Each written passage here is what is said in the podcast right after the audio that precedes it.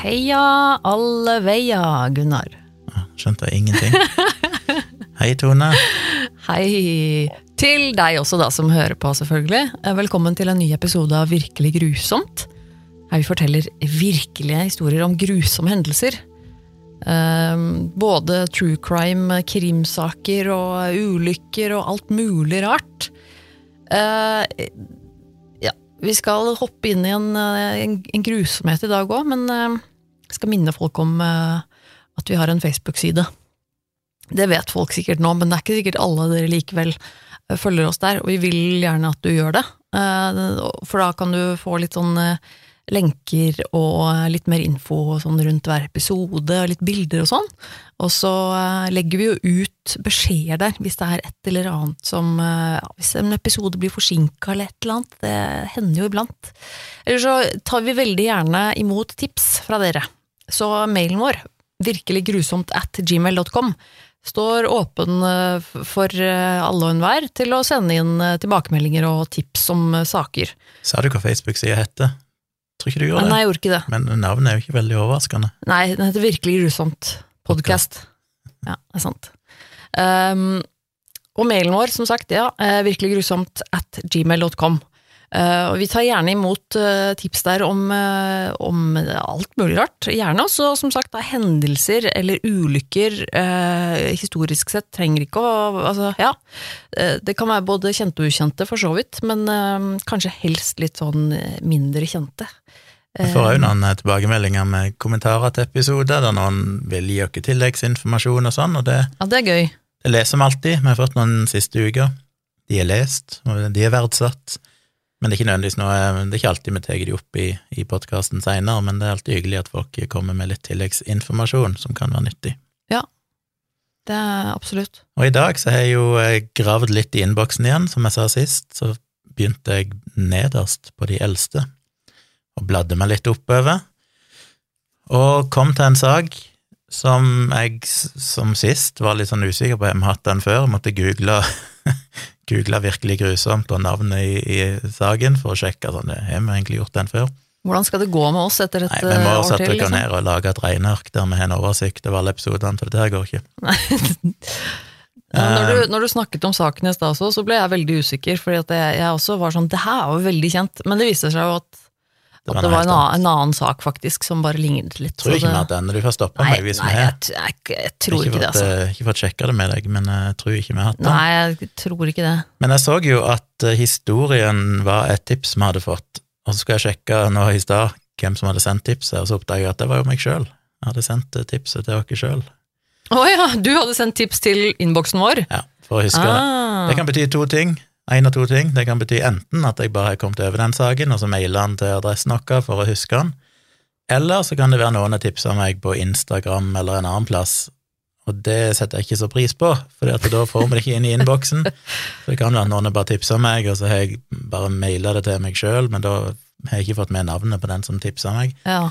Så et, et godt argument for å sende direkte til mailen vår, og ikke sende tips via Instagram og sånn, for at de blir som regel glemt eller Ja, det, det er det, for vi, vi setter jo selvfølgelig pris på det, men de blir litt ubrukelige da, for at da Ja. havner de ikke sammen med resten av eh, tipsene, og da plutselig går de i glemmeboka.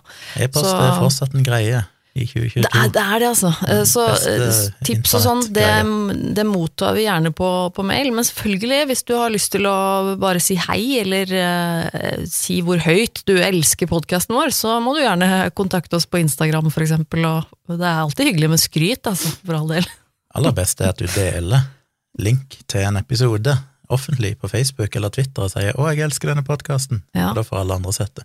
Det er litt rart at få, det er liksom ikke en greie med podkast å gjøre det, på en måte. Har jeg, Nei, det er har lite deling av podkaster. Ja, det er rart, for at folk deler andres poster av liksom bilder og linker til diverse andre greier, på en måte. Det er liksom vanlig, men å dele podcaster sånn i sosiale medier, det, det er liksom ikke helt eh, vanlig ennå. Det må Nei, det skjønner jeg godt, for jeg gjør ikke det, jeg heller. Det er veldig sjelden jeg deler en podkastepisode. Men her... egentlig hyggelig når folk gjør det.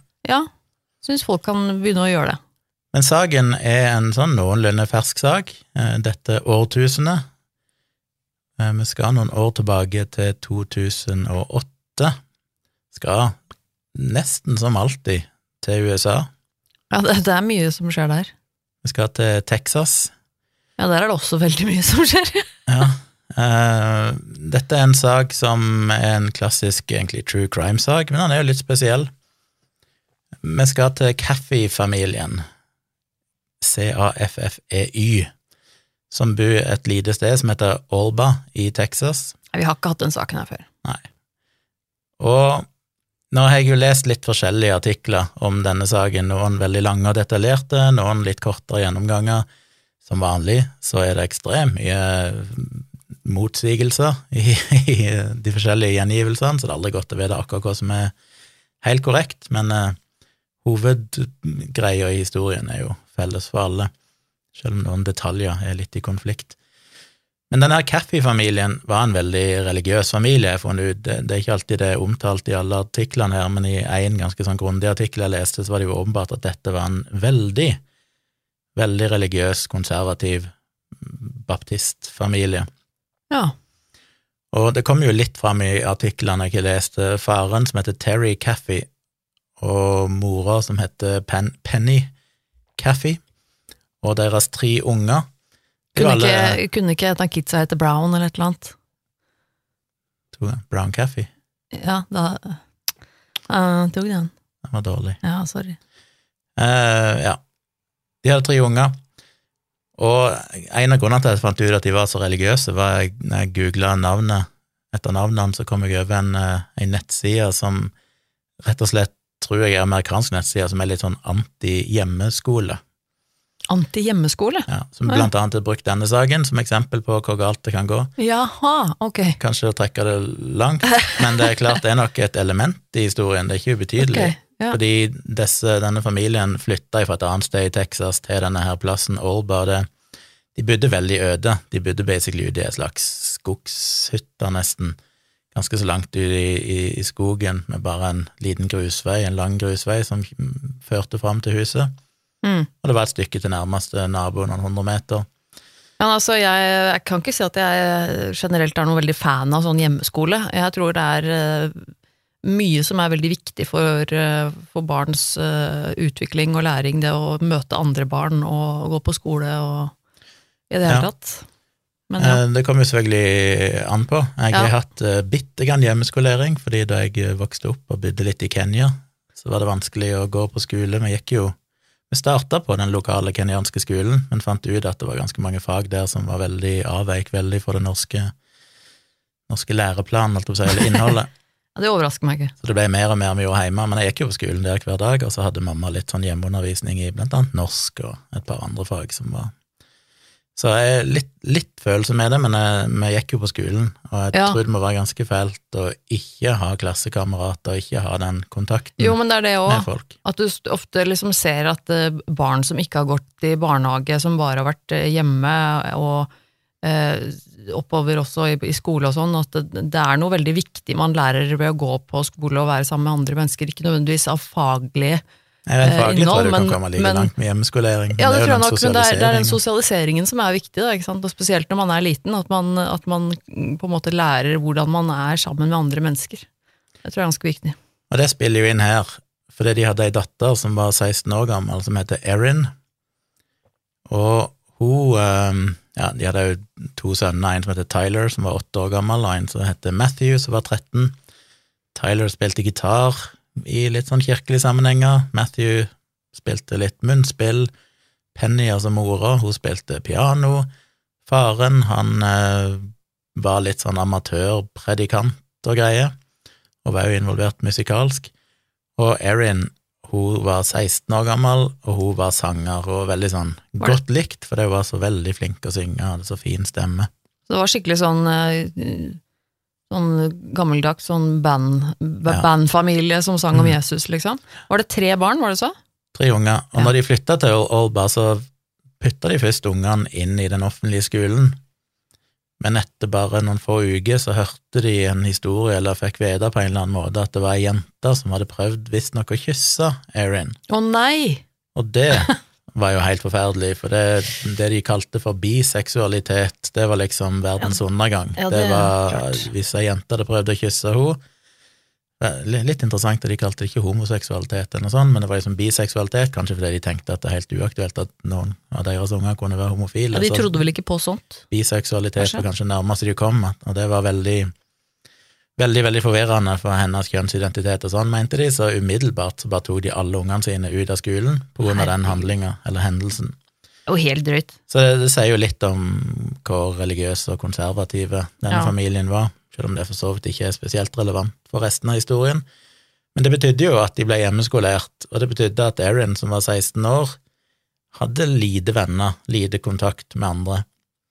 Men etter hvert så fikk hun seg en jobb i en uh, lokal butikk, eller om det var en sånn spillbutikk med dataspill eller noe sånt. Og der møtte hun, eller ble hun kjent med en fyr som uh, hun endte opp med å bli sammen med, som heter Charlie. Mhm. Charlie Wilkinson. Og de uh, fant tonen, men foreldrene var ikke så veldig fornøyd. Han var litt eldre enn henne da, han var 19 år gammel, Erin var altså 16. Mhm. Og faren Terry, med, for begge foreldrene, eh, følte jo bare at det var et eller annet som skurra med han, et eller annet de ikke likte med han. Han var ikke kristen nok. Nei, sikkert ikke det heller, men de følte vel bare at han ikke var rette typen som hun skulle være med, så de var, uttrykte jo sin misnøye for Erin, men så lot de det egentlig være og tenkte at dette er bare en ungdomsforelskelse, det går sikkert over seg sjøl. Ja.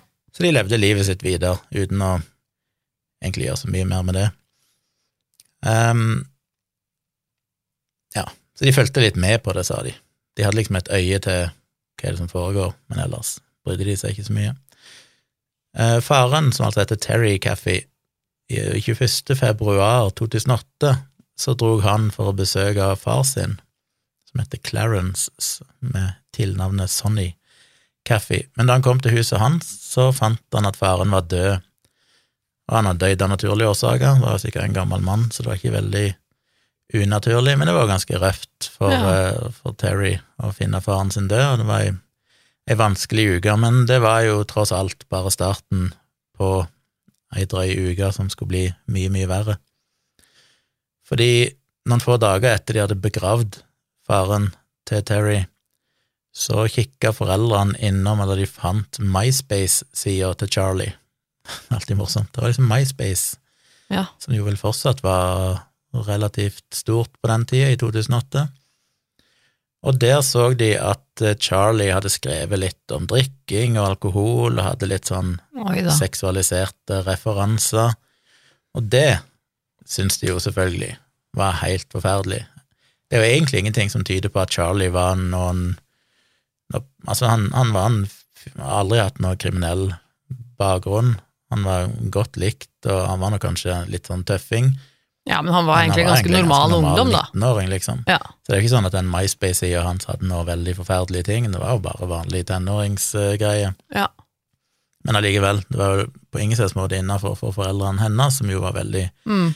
kristenkonservative, og da tok de en prat med Erin og sa at dette var ikke sånn de hadde oppdratt henne, og han var på ingen slags måte bra for henne. På dette tidspunktet, muligens litt tidligere, så hadde jo faktisk òg Charlie altså litt sånn indirekte fridd Oi. til godeste Erin. Ikke sånn direkte, men han hadde visstnok tatt med seg gifteringen til bestemora og vist den til Erin, Mm. med litt sånn underforstått at dette Ja, jeg ønsker egentlig på et eller annet tidspunkt å gifte meg med deg, jeg har lyst til at du skulle være kona mi. Ja. Og det var jo selvfølgelig problematisk, for det fant foreldrene ut, og de syntes jo det var helt forferdelig, og det er jo kanskje forståelig, hun var 16 år gammel, og de følte kanskje dette gikk litt vel fort fram. Men det var mye i hvert fall som gjorde at det, det skurra. Og de ble jo ganske strenge med Erin, de, de satte henne vel egentlig ga beskjed til henne at hun fikk bare lov å treffe Charlie sånn en gang i uka, og kun hjemme hos deg, og kun når de var til stede. Jeg skjønner ikke hva, hva er det de tror Åh, blir, ja. Det er klassisk, men jeg skjønner ikke hva de tror de skal oppnå med det. Det synes jeg er, det er så dårlig strategi, altså. Nei, de ville ha kontrollen, og det var klart, Erin hadde jo allerede lite kontakt med venner sånn på grunn av at hun ble hjemmeskolert og sånn. Mm. Eh, hun fikk jo gå ut når hun skulle jobbe på dette stedet, og hadde jo Charlie og hang litt med han og sånn, og han hadde jo venner. Så hun hadde jo litt sosial omgang, men den ble jo ytterlig innskrenka når hun plutselig ikke fikk lov å treffe han heller, Mm. sånn fritt. Så det skjedde jo blant annet, det var vel én gang, ganske kort tid, eh, ja, i slutten av februar 2008, at hun hadde òg stukket av for å treffe han, og det skapte jo oppstyr, selvfølgelig. Så det var mye, mye begrensende, hun følte seg nok veldig fanga. Og hun hadde jo sagt på et eller annet tidspunkt, eh, ikke så veldig lenge før dette, til noen klassekamerater at den eneste måten jeg kan være med Charlie på, det er hvis jeg dreper foreldrene mine. Ja, ok. Så det sier jo litt om hvor seriøst hun mente det, vet vi jo ikke, om det var bare en sånn 'å, jeg skal drepe deg', eller et eller annet, men eh, hun har visstnok sagt det. Ja. Og så, bare et par dager etter at de hadde hatt denne praten med Erin og sagt det jo at eh, Charlie ikke var noe bra for henne og alt dette her, så midt på natta så kommer det plutselig en bil kjørende opp til huset deres som ligger langt ute i skogen, Mm. og den er det da Charlie Wilkinson med en kompis som heter Charles Allen Wade, som var 20 år gammel, og kjæresten til, til Wade, som var ei 18 år gammel jente som heter Bobby Gale Johnson. Da denne bilen kom midt på natta, så sprang Erin Caffey ut av huset, bare i pysjamasen, og møtte de tre andre, og satte seg da inn i bilen sammen med hun Bobby Gale Johnson, mens Charlie Wilkinson og Charles Wade gikk inn i huset. Så de to jentene ble sittende inne i bilen? Mm. Og faren Terry, han eh, husker at klokka var rundt to på natta da han hørte noe bråk, og plutselig så storma det to personer inn på soverommet der han og kona Penny lå og sov, og begynte å skyte. De skjøt vel først flere skudd i Penny, som jo ble hardt skada, men ikke fortsatt vel var i live før de begynte å skyte på han. Eh, Han ble vel totalt skutt. Jeg så en artikkel så hevda han han hadde blitt skutt elleve ganger, men i alle andre artikler så står det at han ble skutt fem ganger. To ganger i hodet, to ganger i høyre skulder, og et, ja, en gang eller noe sånt i ryggen. Ja. Selv om en plass så leste jeg, da sa han at han òg ble skutt i beinet og sånn, så jeg vet ikke. Ble skutt flere ganger, iallfall. ja, fem skudd, det holder jo det, på en Har Og du får fått to skudd i Det- hodet, så er det klart du er ganske satt ut. Ja. Jeg tror det var 22 kaliber, så det var ikke det kraftigste våpenet, men Nei, men, Men de nok gjør nok skade de til å drepe noen, altså. Det er ikke noe tvil om det. Eh, Men de så jo at eh, hun Penny fortsatt var i live, og da hadde de med seg et samuraisverd. Så de kom inn med sverdet og basically stakk henne i halsen, så de nesten kappa av hodet hennes. Så hun døde jo der. Og stakkars Terry lå jo der og var hardt skada, ble skutt mange ganger. Klarte ikke å lage lyd, klarte ikke å få ut noe når han prøvde å snakke, så kom det liksom ikke noe. Eh, Ja, det er kanskje ikke så rart når du er skutt i hodet. Og han klarte ikke å, å bevege seg skikkelig, han prøvde liksom å reise seg opp, men han bare kollapsa. Så han døde faktisk ikke umiddelbart. Nei, og det er ganske forferdelig, for å si det mildt, Ja. for da ligger han der og har sett at kona blir drept, han ligger der, og så hører han at de går inn på et annet rom, der ungene, de to unge oh, sønnene på 7 og 13, eller 8 og 13, ligger. Og da hørte han jo lyden av at uh, ungene hans begynte å, å hyle, og han fikk jo panikk når han hørte Matthew begynte å grine og ropte No, Charlie, no, why are you doing this? Mm, ja, for han skjønte igjen Han skjønte at det var Charlie Wilkinson som var en av de to. Han hadde Ah. ikke sett hvem det var tidligere, men da skjønte han jo at det var det.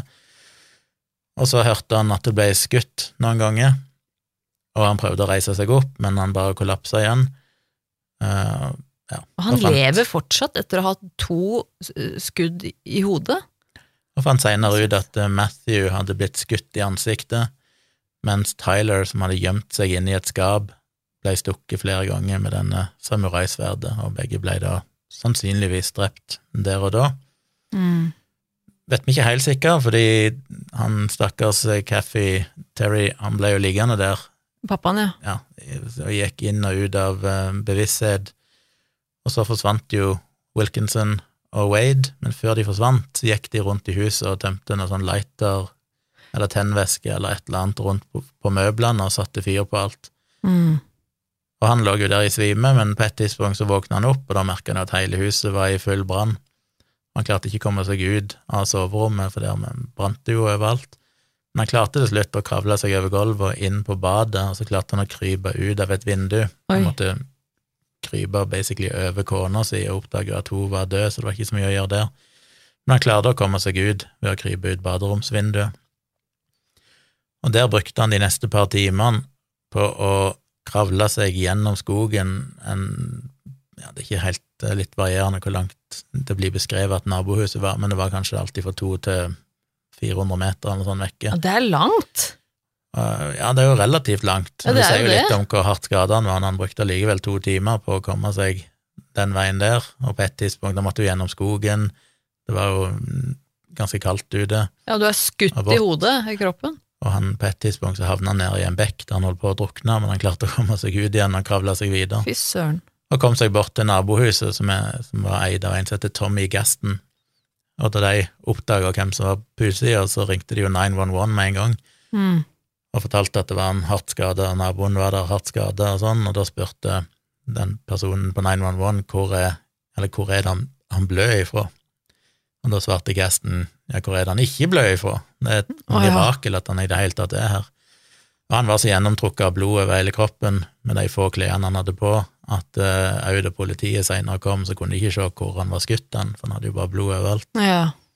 Men han ble henta av ambulanse og kjørt til East Texas Medical Center i en by eller sted som heter Tyler, og ble selvfølgelig tatt inn på intensiven.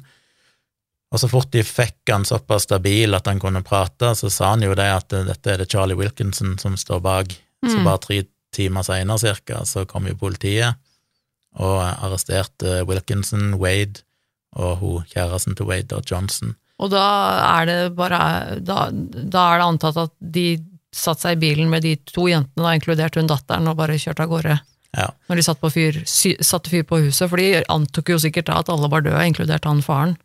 De fant jo eh, De fant jo Erin òg. Hun gjemte seg i en sånn husvogn eller et eller annet som tilhørte Wade sin eldre bror, men hun var ikke mistenkt i starten. Nei.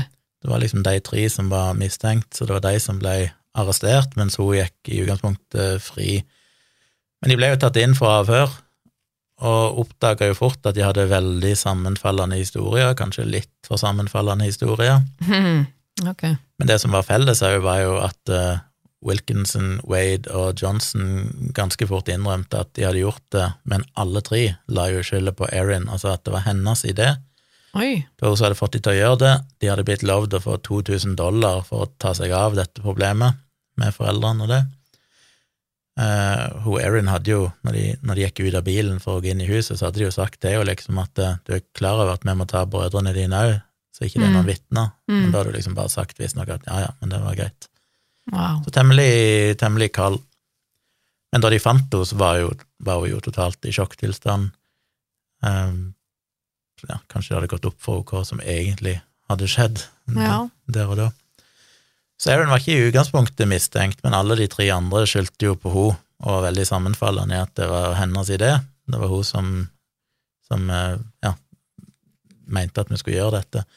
Så en dag, jeg vet ikke hvor lenge etterpå, det var samme dagen eller kort tid etterpå, så var hun på vei for å besøke faren på sykehuset, og da ble hun arrestert av politiet. Og etter det så ble alle fire i utgangspunktet sikta for tre tilfeller av eh, overlagt drap. Faren, han eh, overlevde jo. Wow. Han eh, måtte jo være med på å begrave familien sin. Dattera satt jo da i arresten, jeg vet ikke hvor langt de hadde kommet i prosessen, men de var vel bare fortsatt eh, i avhør og ja, satt og venta på en, en rettssak etter hvert. Så han eh, reiste for å bo hos søstera si, og var jo ikke i noe god form, for å si det sånn. Han hadde jo mista alt han eide, og som han sa bare noen uker tidligere, så hadde han jo et nydelig hus, han hadde en eiendom rundt seg, skog og fin natur, han hadde en fantastisk familie, og nå var alt vekke, hele familien var Ja, vekke, ja. tre av de var døde, en satt i fengsel, og han hadde mista alle eiendelene sine, så ikke noen Fikk han ingen varig men, eller det må han jo ha fått? Jeg Eller? vet ikke helt. Nå, okay. Egentlig koster ikke sett noe om det. Men han gikk jo da inn i en ganske dyp depresjon, Ja. som han sleit med i noen måneder, og bestemte seg til slutt for at han ville ta livet sitt. Så han sa han planla sitt eget selvmord og hadde bestemt seg for at så fort han ble frisk nok til å reise, så skulle han reise tilbake igjen der huset hadde stått, og der ville han ta livet sitt. ja. Så en dag så kom den dagen, han var frisk nok, og han reiste faktisk til tomta der huset hadde stått, eller der restene av huset sto. Sto i asken der, og som den dypt religiøse mannen han var, så begynte han jo å, å grine og, og rope til Gud og sa Gud, jeg forstår ikke hvorfor du tok frarøva meg familien, hvorfor i all verden gjorde du dette, jeg skjønner bare ikke. Men det var ikke Gud, det var jo datteren. Og så kommer det jo noe som jeg selvfølgelig ikke vet hvor sant er. Det er jo en sånn litt for godt til å være sant-historie, nesten. Oh, ja. Eh, og eh, ja, min kritiske, skeptiske hjerne vil vel tilsi at dette er sånn han husker det, fordi det passer hans narrativ, men han sier at like etter han hadde liksom ropt til Gud, så hadde han kikka ned, og så hadde det leid et papirark i asken, et ark eller ei side ifra ei bok Mm. Som var litt sånn brent på kantene, men han plukka den opp, og der sto det I couldn't understand why you would take my family and leave me behind to struggle along without them. I may never totally understand that part of it, but I do know that you are sovereign, you are in control. Mhm. Så sier han når han leste det, så var det bare sånn wow, og så sank han bare ned på knærne. Og dette arket var fra ei bok som heter Blindsight, som er en roman som handler om en mann som mister kone og to unger i ei bilulykke, og da må lære seg å, å takle dette og komme seg videre i livet. Og denne boka var skrevet av en god venn av han som heter Jim Pence. Ja. Han var jo karatetreneren til ungene hans, og han hadde skrevet flere bøker. Og han, Terry hadde faktisk ikke lest akkurat den boka, men han, eh, Jim hadde gitt den til kona hans to-tre år før disse drapene skjedde. Og han følte jo bare at det som sto akkurat der, det, det beskrev akkurat hans situasjon i det øyeblikket. Men han innså jo der og da at dette var en del av Guds plan, at han hadde overlevd av en grunn, som jo er en klassisk rasjonalisering, som religiøse gjerne gjør da, selvfølgelig. Mm. Det gir jo mening, og det gir et slags svar på hvorfor du overlever mens de andre dør. Ja. Så kan en mene hva en vil om det, men det er klart det er iallfall en, en positiv ting, i den forstand at da følte han iallfall at ok, jeg kan jo bruke dette til noe positivt. Ja. Jeg skal ikke bare ta livet mitt, men jeg kan faktisk gå videre i livet og prøve å hjelpe andre. Absolutt. Så hvis han finner mening i det, så er jo det en god ting, selvfølgelig. Og så var det jo en del av hans kristne tro som jeg òg er veldig sympatisk overfor, som er det at han valgte faktisk å tilgi disse folkene som hadde drept familien hans, og valgte jo å gripe inn, for det Wilkinson og Wade de sto i utgangspunktet overfor en dødsstraff, Mm. men han gikk inn og sa at eh, han ønska at de ikke skulle kunne få dødsstraff, Mm. at det alternativet ble tatt vekk. Eh, fordi at han sa at det som var viktig for han, det var at altså, hvis de blir drept, så hjelper de på en måte ingen, men hvis de fikk være i fengsel, så håpte han jo at de kunne finne en form for anger og, og sorg over det de hadde gjort, og skjønne at eh, ok, dette var ikke riktig, og føle en, en ja, føle for å be om tilgivelse eller et eller annet for det de hadde gjort, da. At det Mm. var en sjanse at de faktisk kunne bli tilgitt fordi de innså sine handlinger. Og det tok noen måneder, men til slutt så, så endte de opp i det som på engelsk kalles en plea deal, som det ikke finnes noe godt norsk ord for, men som egentlig er en eh, Forlik? Det er ikke et forlik, jeg, googla det ordet, og da sto det faktisk flere plasser i sånn juridiske greier at det finnes ikke noen norsk beskrivelse av det. Er det ikke det det. samme som forlik? Nei, det er ikke et forlik, det er mer en strafferabatt eller en Ja. Hva var det jeg fant et ord som var sånn noenlunde, som, som iallfall den norske versjonen av plea bargain. Men i hvert fall, ja, ok. de endte iallfall opp med at, eh, at de fikk eh, Jeg vet ikke om det var i, i kontekst av at de skulle slippe å få dødsstraffen, men en av betingelsene var at de hadde nødt til å møte Cathy oh, ja. og så forklare hvorfor de hadde gjort det de hadde gjort. Så han måtte, de måtte sette seg ned ansikt til ansikt med offeret sitt og forklare sine handlinger. Men nå er det bare snakk om de to gutta, ikke datteren, ikke sant? I utgangspunktet de to guttene, Ja. men han hadde jo en prat med dattera. Hun tredje, eller hun andre jenta står det ingenting om, så jeg vet ikke helt hva som skjedde med henne. Det var i utgangspunktet de to guttene, iallfall. Og da sa han, han faren at den eneste som viste noen form for anger, det var Wilkinson. Han Mm. liksom satt bare og kikka ned i gulvet og, og grein litt, og det var jo temmelig tøft for han. Han hadde jo seinere sagt til advokaten sin at det var det tøffeste han noen gang hadde måttet gjøre, Ja. og da sa jo han, han Cathy at ja, det er bra. Det var liksom poenget. ja. Men så var det jo kanskje minst like vanskelig å sette seg ned med dattera si. Ja, for nå har jo da far fått vite alt som har skjedd, Ja. og datter er jo Dette er jo ja. noen måneder etter handlingen, så her er jo, Oi, oi, oi. her er jo ting Ja. avklart. Men uh, disse tre skyldte jo på Erin. Erin benekter jo at hun sto bak det, Mm. og hun gjør det den dag i dag. Hun, han, faren spurte jo hva var det egentlig som skjedde, hvorfor gjorde dere dette her? Og Da begynte hun bare å grine og sa at jeg har ingenting å skjule ifra deg, jeg skal fortelle deg alt du vil vite. Okay. Og det hun sa, var jo det at hun visste om at de hadde planlagt å drepe familien hennes, men hun hadde prøvd å komme seg vekk den natta, men så tvang de jo til å sitte i bilen mens de var inne og drepte familien. Mhm. Og ja, Så det, vi vet jo den dag i dag ikke i hvilken grad hun var den som initierte dette, eller ikke. Hun Ok. benekter det, selv om hun som sagt hadde jo sagt til noen venner litt før at hun må kanskje drepe familien sin for å kunne være med kjæresten sin. Men det ble aldri noe For du, du sa ikke du at visstnok de andre påsto at hun skulle betale dem for det og sånn, det, men det ble aldri oppklart? Nei. Nei. Men faren endte iallfall opp med å tro på dattera. Ja. Han nekta, han mener at det ikke det, Altså, han Charlie han mener jo at Erin hjernevasker han til å gjøre dette og sånn, men eh, han mener at det høres ikke ut som dattera hennes, det kan ikke være sant. Så han endte opp med å, å tilgi alle sammen, og det fikk han jo mye kritikk for fra folk. Det er klart det er mange som vil ha problemer med å forstå det. Ja. Jeg skjønner at det er jævlig vanskelig, jeg vet ikke om jeg, hva jeg hadde klart å gjort i den situasjonen sjøl, men jeg tenker jo som utenforstående så er det jo det det beste du kan gjøre, for jeg kan ikke forstå at noe annet vil hjelpe noe mer. Nei, og for, for han selv så må jo det være det absolutt beste, å kunne, Ja. å kunne gå Altså, sitt. så lenge de blir straffa og, og får den strengeste Ja, straffen de kan få her, så hvorfor skulle det hjelpe at han bare gikk rundt og hata de, liksom? Nei, det hjelper jo ingen, og det er Nei. så klart eh, mye lettere for han også, vil jeg tro, å gå videre med livet sitt, hvis han klarer å på en måte slippe det på et vis. Men han forklarer det jo sånn da han sier at folk sier til han liksom, hvordan i all verden kan du tilgi dattera di, og hvordan kan du tilgi de som drepte familien din, men han sier sjøl at han, han prøver ikke å, å, å liksom Unnskylde det. ja, unnskylde det eller vise aksept for noen ting, men det er bare at det er dattera hans. Ja. Han, eh, han er nødt til å liksom stå med henne uansett. Ja.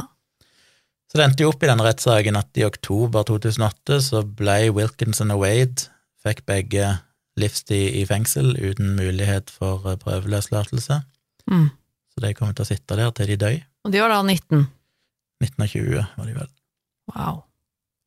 Tre måneder seinere så ble jo hun, hun kjæresten til Wade, hun Johnson, og Erin Caffey, de endte opp med å tilstå drap, eller ja, erklære seg skyldig i drap.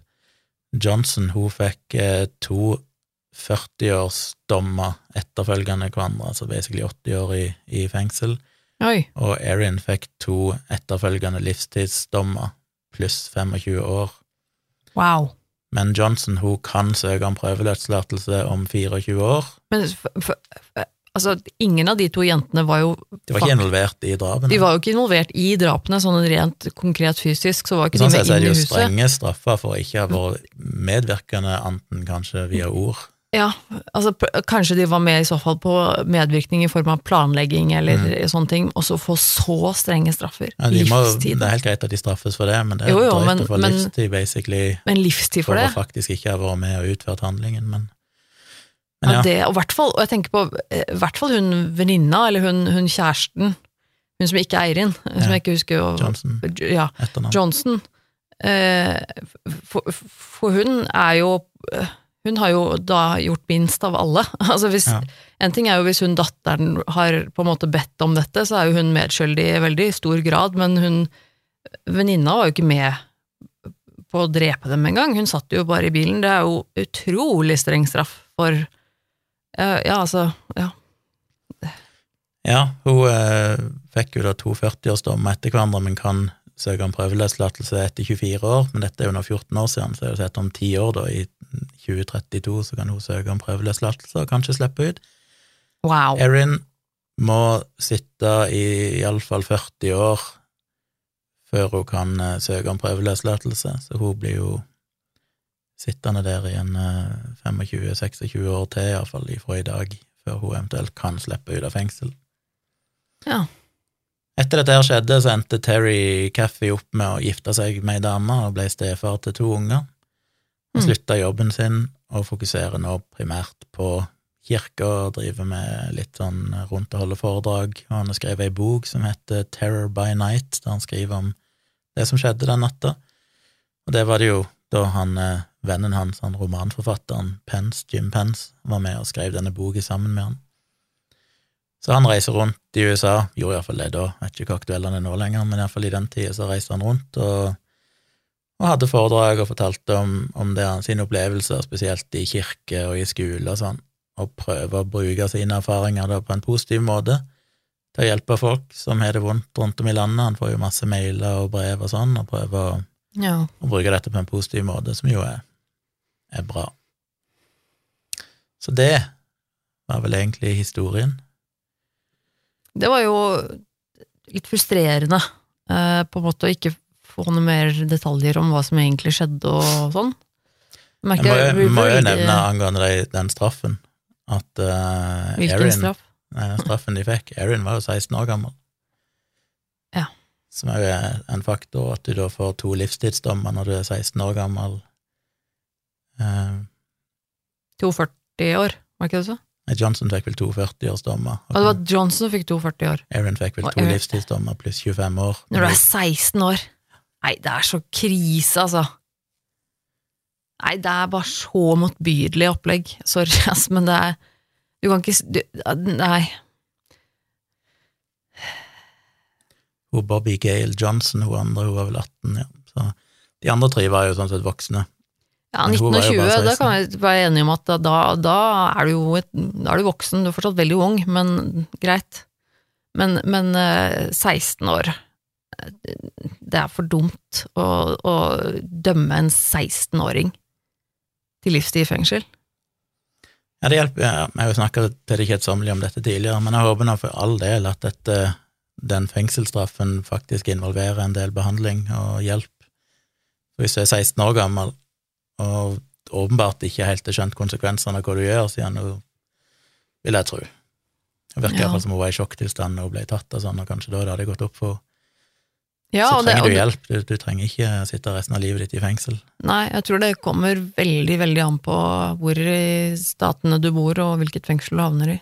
Og hun var jo ikke med og utførte handlingene sjøl heller, så det er jo sånn sett ikke noe som direkte tilsier at hun er en trussel for andre. Det var en spesiell situasjon, det var hennes familie, Ja, hun fikk kjæresten sin til å gjøre det, så Og jeg tenker, jeg tenker bare, For meg blir det helt sånn hårreisende. Altså, du er 16 år gammel.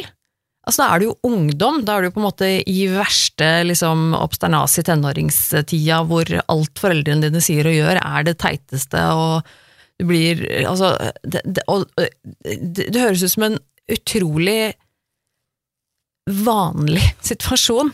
At du har en datter på 16 som har skaffet seg en kjæreste som er litt eldre, som ingen liker, på en måte, som foreldrene ikke liker. Og det er klart at det er jo selvfølgelig kjipt for, eh, for datteren og, og kjæresten. At liksom å, mamma og pappa er så teite, og får ikke vi være sammen, og, og det, Selvfølgelig, det er jo kjipt. Og da kan jeg godt tenke meg at når man står midt i det, som en 16-åring full av hormoner og sånne ting, at man da blir litt, at man blir sint og tenker at åh, skulle bare ønske mamma og pappa var daue, liksom. Eh, Æsj og drittfolk og, eh, og, og, og da og jeg er tenker at det- da, som er 19 og 20. Og selvfølgelig så er det jo ikke det på noe som helst måte greit Nei, nei. eh, å, gjøre noe som helst på den måten der, og det, eller få noen andre til å gjøre noe, altså, overhodet ikke, men, men det, er jo, det, er jo, det er jo en grunn til at vi ikke dømmer barn til fengsel, liksom. Jeg vet ikke vi kom, med hva som kom fram under rettssaken og sånn, vi har jo ikke detaljene. Men det er jo visst sånn, ja. på overflata så skulle jeg vel gjerne tenke jo at det kan være lett for henne kanskje å være tøff og alt det der, og føle seg litt pressa av eldre kjæreste, og, Mm. og ikke helt tørre å, å innse hva hun faktisk er med på. Og når du faktisk da står ute forbi huset, og de to går inn Så det, ja, jeg vet ikke om jeg i den alderen hadde helt klart å ta inn over meg hva som er i ferd med å skje. Uansett Nei, virker det bare absurd at du skal kunne bli dømt til en så streng straff, men dette er jo da ikke bare USA, men det er i tillegg Texas, så Ja. Men, men nei, og det er liksom det, Jeg tenker jo at det er så absurd, da, liksom, for det er, de er så unge.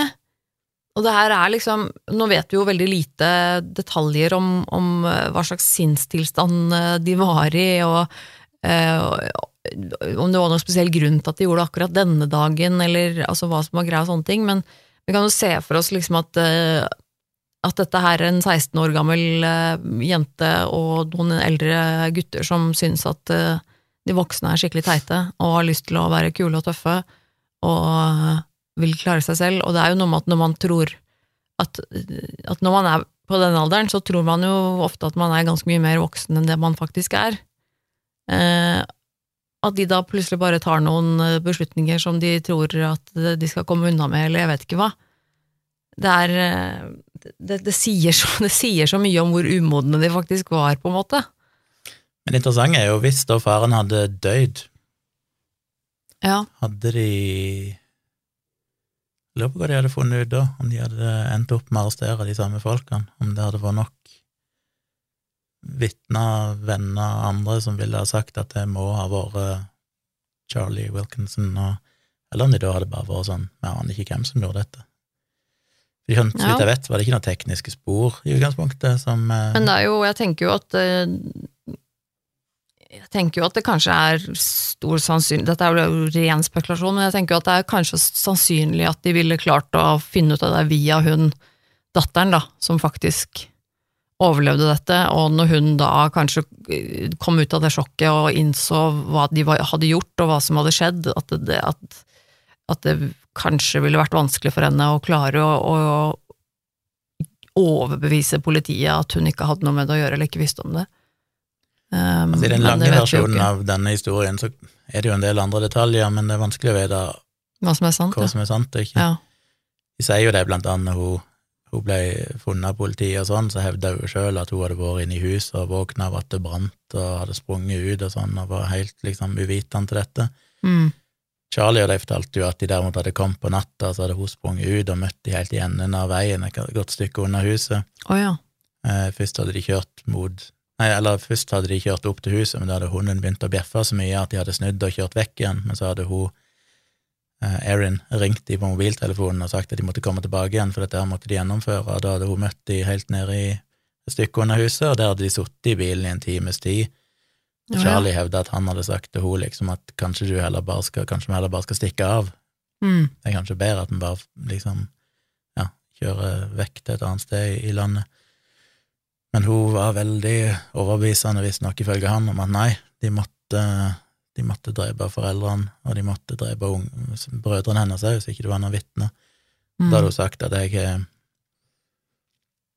Eller han Charlie hadde sagt at jeg har ingen samvittighet når det gjaldt det å gjøre det som hun ønska. Han hadde blitt, uh, gått inn i militæret, blant annet, og sa at han hadde blitt lært opp der til å gjøre det som trengtes å gjøres, uten å tenke. Oi. Ja. Og han drepte foreldrene hennes fordi han trodde han var forelska i henne, eller at det var kjærlighet. Og, Mm. så Wow. jeg syns jo ja, Nei, det er så mange av disse historiene. Det er liksom tra tragisk på så mange forskjellige nivåer. Ja.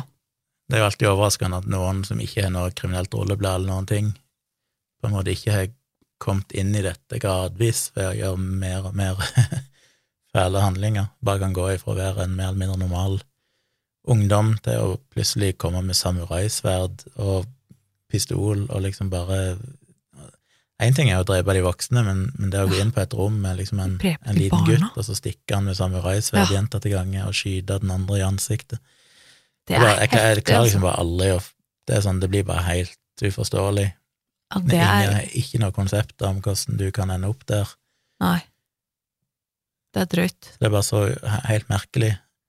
Og så kan jeg i mye større grad forstå Erin, altså tankegangen bak at du kan si tøffe ting og bli fanga i situasjonen og ikke helt Ja. trekke deg ut fordi at du har eldre kjæreste og ikke så dum ut.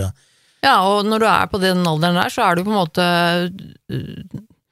Da er du, holdt jeg på å si, meningen at du skal synes foreldra dine er teite og bryte litt løs fra, fra det å være barn, på en måte, og, og sånn. Og det, så, så jeg kan se for meg at, det, at hvis det begynner å rulle og balle på seg, eh, så kan det fort bli mye følelser der, liksom. så blir det jo sagt av, av de at hun Johnson, hun kjæresten til Wade, at hun bare ble med i bilen uten å ane noen ting om disse planene. Ja, så havna hun resten av sånn- livet i fengsel, hun. Ja. Som er jo litt sånn grusomt, da. Hvis det er sant at hun bare hengte med kjæresten sin og ikke helt visste hva som skulle skje. Selvfølgelig så kan du si at på et eller annet tidspunkt visste hun det, Jo da. og kanskje hun da burde ha sagt nei og stukket ut av bilen og ringt politiet, ikke sant, men hvem gjør det når du er Men en er- tenåring? det er Hva bare det for så- mye å. Hinsides Hinsides Jeg kan ikke fatte og begripe at noen mener at det er rettferdig å gi henne Nei. 80 år i fengsel. Det, det, det syns jeg er helt vilt. Nei, jeg skjønner ikke Skjønner virkelig ikke de dommene. Men det var iallfall historien. Som Ja. vanlig så håper jeg de får mer hjelp enn straff. Nei, de får Eh, ikke det, vet du. Jeg har ingen tro på. Nei, det er så jo stor ødelagt, det systemet. det. Ja, det, og det er så stor Det er så innmari stor forskjell også, der borte, liksom, i forhold til eh, ja, hvor, du, hvor du bor og hvilket fengsel du havner i og alt det der. Det er så uh, For, eh, det er jo noen, noen institusjoner, fengsels, fengselsinstitusjoner i statene som også er uh, Som har mye av de samme holdningene som det vi har i Norge, på en måte, og at det skal være de skal rehabiliteres og få hjelp, og de skal fungere igjen i, samtid, i, i, i samfunnet og sånn etterpå og sånne ting, og så er det bare ikke realistisk eh, på mange måter, og når de får så eh, lange straffer, så har de jo heller ingenting å eh, Altså, de har ikke noe motivasjon. Jeg skjønner jo det, at det er et stort problem for folk som sitter inne i fengsel, som har fått fengselsstraff og er hovedsakelig, mest sannsynlig skal de sitte i fengsel resten av livet. Ja, det er jo ikke rart at de gir faen da, og ikke gidder å prøve å reformeres. Altså, det er Nei, det, ja, det er en lang diskusjon, men uh, Altså, det er mye som tyder på at uh, Erin nok var mer skyldig enn å ga uttrykk for. Uh, apropos det jeg sa om tekniske måte? bevis. Nei, jeg ser bare at de òg hadde jo telefonlogg som bekrefter Charlie sin historie da, om at hun ringte han gjentatte ganger den natta. ja. Spesielt i perioden mellom klokka 1.22 og 1.58 på, på natta, da. Ok. Så ringte hun han sju ganger, for de kan se at det ble ringt ifra huset. Så hun var inne i huset. De fant visst òg i ruinene, så fant de at hun hadde pakka en Eller ikke i ruinene, hun hadde vel med seg, kanskje. De fant iallfall en, koffert hun hadde pakka ferdig, som tyda på at hun var klar for å stikke. Mm. De hadde visst òg funnet at den låsen på døra sist var brukt med en kode som eh, Altså, de hadde kommet seg inn ved å taste inn koden da på låsen, så noen må ha gitt de låsekoden Ja, på huset. ja. Mm. De brøyt seg ikke inn på noen måte. Og alt dette her måtte de da fortelle til Terry, da han ble Han var jo ja, Han ville jo ikke helt akseptere at hun var involvert, at hun skulle straffes som en voksen, men de måtte da gi han all den informasjonen. Og òg informasjon om at eh, hun og Charlie hadde hatt sex etter at de hadde drept foreldrene, eller familien. Det var det som var kanskje det vanskeligste for han å høre. Hvorfor måtte han få informasjon om det? For å sannsynligvis prøve å overbevise han om hvor kaldblodig dette var. At uh, hun var ikke noe Ja. offer i denne saken, på en måte. Hun, etter hun visste at familien var drept og huset var brent ned, så hadde hun sex med Charlie, Ja. fordi de var fornøyd med det som hadde skjedd, så Men han valgte jo likevel å tilgi, og ikke helt akseptert at hun var medskyldig i dette her, da, så. Så det var jo noen tekniske bevis med telefoner og sånn, så klart hadde noen elever på skolen eller venner bare pekt i deres retning, og de hadde fått noen mistanke på seg, og de hadde sjekka telefonen og sånn, så ville de jo ha, Mm. ha sett ganske fort at det var hyppig telefonkontakt den natta og alt det da, så de hadde nok blitt tatt uansett om ikke faren hadde overlevd. Vil jeg vel nesten tro. Jeg vil også tro det, altså. Men ja, det var historien. Eh, skal vi rangere den på en eh, grusomhetsskala? Ja. Det blir stadig vanskeligere. Ja, ja, det er jo aldri lett, liksom, men det er jo ikke noe riktig svar heller, på en måte. Uh, det, jeg synes, dette er jo ikke det verste i det hele tatt. Det, holdt jeg på å si, dette var jo ikke så ille. Uh, det er jo selvfølgelig ille nok, men uh, jeg syns jo det, det er jo nesten Altså skulle si det er nesten mer tragisk enn det er ille. Det, er, det blir jo på en måte feil å si det òg, men eh, jeg synes, Når jeg tenker på det som han faren her har gått gjennom, så må det jo være helt for jævlig. Det, altså, en ting er jo å bli skutt, eh, men også da å være på en måte et, et vitne til at kona di da blir drept rett ved siden av deg, og, og, og da høre at dine to barn blir drept i rommet ved siden av, liksom. Mm. Rett etterpå, og at du da må rømme huset mens du blør og holder på å dø, og det er nok eh, Ja, det er ikke noe du glemmer med det første, tror jeg. Um, og så er det veldig tragisk at disse unge ungdommene bare fikk livene sine ødelagt på den måten der. Um, man kan jo selvfølgelig si at de fortjente en straff, det er det ikke noe tvil om, men uh,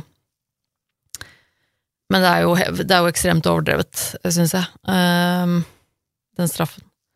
Men uh, Nei Fem? Seks? Ja, Det er veldig kynisk nå, eller? jeg vil nok sette den høyere. Det er mye grusomt her. De beskriver jo disse som sitter i fengsel, ble jo intervjua seinere. Erin har aldri villet gitt noe intervjuer, men de tre andre de har jo fortsatt beskrevet at at Erin var ekstremt overbevisende, at hun var den som pressa på, at hun var lykkeligere enn på julaften etter det hadde skjedd, fordi hun sa at endelig følte hun seg fri. Mm. Jeg tenker jo det er jo et av de grusomme elementene her, at hun må ha følt seg ekstremt fanga. Men det er klart, det, vi har jo ikke noe god dokumentasjon på at foreldrene var spesielt grusomme. Altså, hun fikk jo i det minste gå og ha seg en jobb og henge med typen sin. Eh, Det var ikke sånn at de Ja. låste henne inne, liksom. Jeg, jeg syns det er veldig veldig vanskelig. Altså selv, om, selv om jeg skjønner at disse foreldrene tydeligvis var veldig konservative, og de var sikkert ikke så, er sikkert ikke så gøy å ha med å gjøre når, det, når man er ungdom eh, og har lyst til å ha det gøy og, og sånn. Eh, det er sikkert ikke gøy eh, for henne, men men, jeg, jeg, men jeg, jeg tenker jo, er ikke det litt sånn for alle ungdommer, liksom? Eh, alle tenåringer går jo gjennom en periode hvor de syns mamma og pappa er verdens teiteste, og at man liksom hater foreldra sine litt. Det, Mm. eh, sånn i utgangspunktet. Poenget er bare at hun har ikke hatt noe godt, tydeligvis. Men jeg er usikker på om hun har hatt det helt fælt, eller om det er så bare ille, sånn, liksom. Nei, om det er bare sånn tenåringsgreie, at hun Ja, det det er egentlig kjipt. Det som er rart, at hun kan bli så kald, for alt tyder jo på at det var gode foreldre ellers, som var, at Ja. hun, hun har liksom ikke blitt Hun burde hatt all, alle muligheter til å utvikle empati og, og kjærlighet, Eh, så det er rart at det kan gå så langt. Det kan hende at hun ble veldig påvirket av eh, denne eldre kjæresten, da, hvis han var eh, det kan selvfølgelig han... være at hun var si, psykopat. Ja, altså, det, det- selvfølgelig, at det kan hun hende Den evnen til empati, at for henne så var dette bare sånn, dette er det jeg trenger for å være fri, og da Ja, selvfølgelig, det vet vi jo ikke, det kan jo hende. De var veldig jo- opptatt av at de ikke hadde lyst til å drepe brødrene hennes, men det var hun som liksom pusha på, for hun hadde ikke lyst til de skulle havne i, på et fosterhjem. Så det var bedre Ja, at de bare ble okay. drept, liksom. Så det virker jo en veldig sånn kynisk, rasjonell tilnærming til det. Det er ja. ikke noe å si om de dør eller ikke, hun tror liksom det beste for de er å dø, for da slipper de å være i fosterhjem. For det, nok, altså det, det tyder lurer... jo på en sånn veldig manglende empati. Ja, men jeg lurer også på egentlig hvor- eh,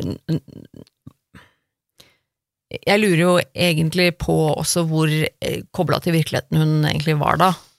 Ja. Altså, fordi at det, om hun var veldig Vi vet jo ingenting om henne, egentlig, og kanskje hun var veldig umoden. Og rett og slett egentlig ikke hadde så veldig gode impulskontroller, eller ikke klarte så godt å skjønte, skjønne konsekvenser av ting. Eh, at hun på en måte kanskje ikke egentlig skjønte eh, hvor alvorlig det er. Altså, vet ikke, altså, kanskje hun sa det litt for kødd, og at det ble liksom eh, Hvem vet? At det, at det ble en sånn eh, eh, gjenganger, noe de køddet med og, og tullet med og, og sånn, og så ble det på en måte bare dratt lenger og lenger, og så til slutt så gikk det så langt, og så var det på en måte Ja, jeg vet ikke, jeg aner ikke. Eh, Det vet vi jo heller ikke, liksom, det får vi ikke vite, men det jeg, ja, jeg syns liksom det er vanskelig å Altså, vi er jo på grusomhetsskalaen, så poenget mitt var bare at eh, Ja, det er vanskelig å vite hvordan hun hadde det før, om hun hadde det grusomt. Det er det. Men hun har ikke hatt det helt optimalt, iallfall. Med at hun ble hjemmeskolert og ikke fikk lov å, å treffe typen, kjæresten sin og sånn, uten å bli observert av foreldrene og alt det der. Så hun har følt seg fanga. Ikke noen tvil om. Og det er det jo grusomt, som du sier, at eh, faren var basically vitne indirekte til at kona og ungene sine ble drept, og ikke minst det han må føle i ettertid med å få vite at det var dattera hans som sto bak det. Ja, og så er det selvfølgelig grusomt at det er barn som blir drept, da, som er så Ja. unge og blir drept på den måten der. Det Så alt det jo, psykologiske rundt dette er jo bare helt forferdelig for alle parter. ja. Og òg disse dommene som ble gitt til relativt unge folk, spesielt Erin, da, som var mindreårige. Men Jeg må jo på en måte sammenligne denne saken med alt annet vi også har snakket om i denne podkasten, og det er jo da det på en måte havner litt lenger ned på skalaen for, meg, for min del, da. Men det var tre som ble drept allikevel, en som ble hardt skada, og to av de var barn, så det trekker jo opp eh, en del når det er flere ofre, og òg mindreårige ofre. Ja. Og òg mindreårige gjerningspersoner, iallfall en av de. Ja. Så jeg vet ikke, jeg tror jeg må nok opp på en, eh, en sjuer, iallfall. Ok, jeg, jeg, jeg, jeg, jeg tror jeg står på sekseren, ja, altså, så får folk bare tro at jeg er en kynisk, grusom bitch. Hvis dere er uenige, eller Ja. enige, så er det mulig å komme med dere innspill på Facebook-sida vår, Virkelig grusomt podkast. Jeg lager jo bilde hver eh, uke, så setter jeg sammen en liten, uh, liten bildekollasj eh, med litt info og linker og sånn på Facebook-siden på Facebook-siden vår, eh, og der kan du gjerne kommentere på eh, hvor du mener at eh, denne historien havner på grusomhetsskalaen. Ja, det er alltid veldig gøy å se hva dere, hvordan dere rangerer dette. Og noen ganger så mener jo folk at vi er helt gale, at Ja, vi tar helt riv ruskende feil. så, så det, er, det er helt lov å synes det. Folk kan være uenige. Det, det, er, bare, det er bare gøy å høre hva, hva, hvordan folk begrunner og hva folk tenker. Så gå gjerne inn og kommenter og sånne ting der, hvis dere har lyst til det. setter vi pris på. Mailadressen er virkeliggrusomt at gmail.com. Fortsett å sende inn tips til gode historier der. Og så er vi tilbake om ca. ei uke med en ny episode. Og da kan det hende at vi blir litt forsinka, Kan være, vi får se. men eh, vi skal gjøre alt vi kan for å, for å pumpe ut en ny episode om en uke, folkens. Ja. Så takk for at du har hørt på. Husk å rate and review og tipse alle dine venner og kjente. Og så får vi bare si ha det. Ha det! Thank you.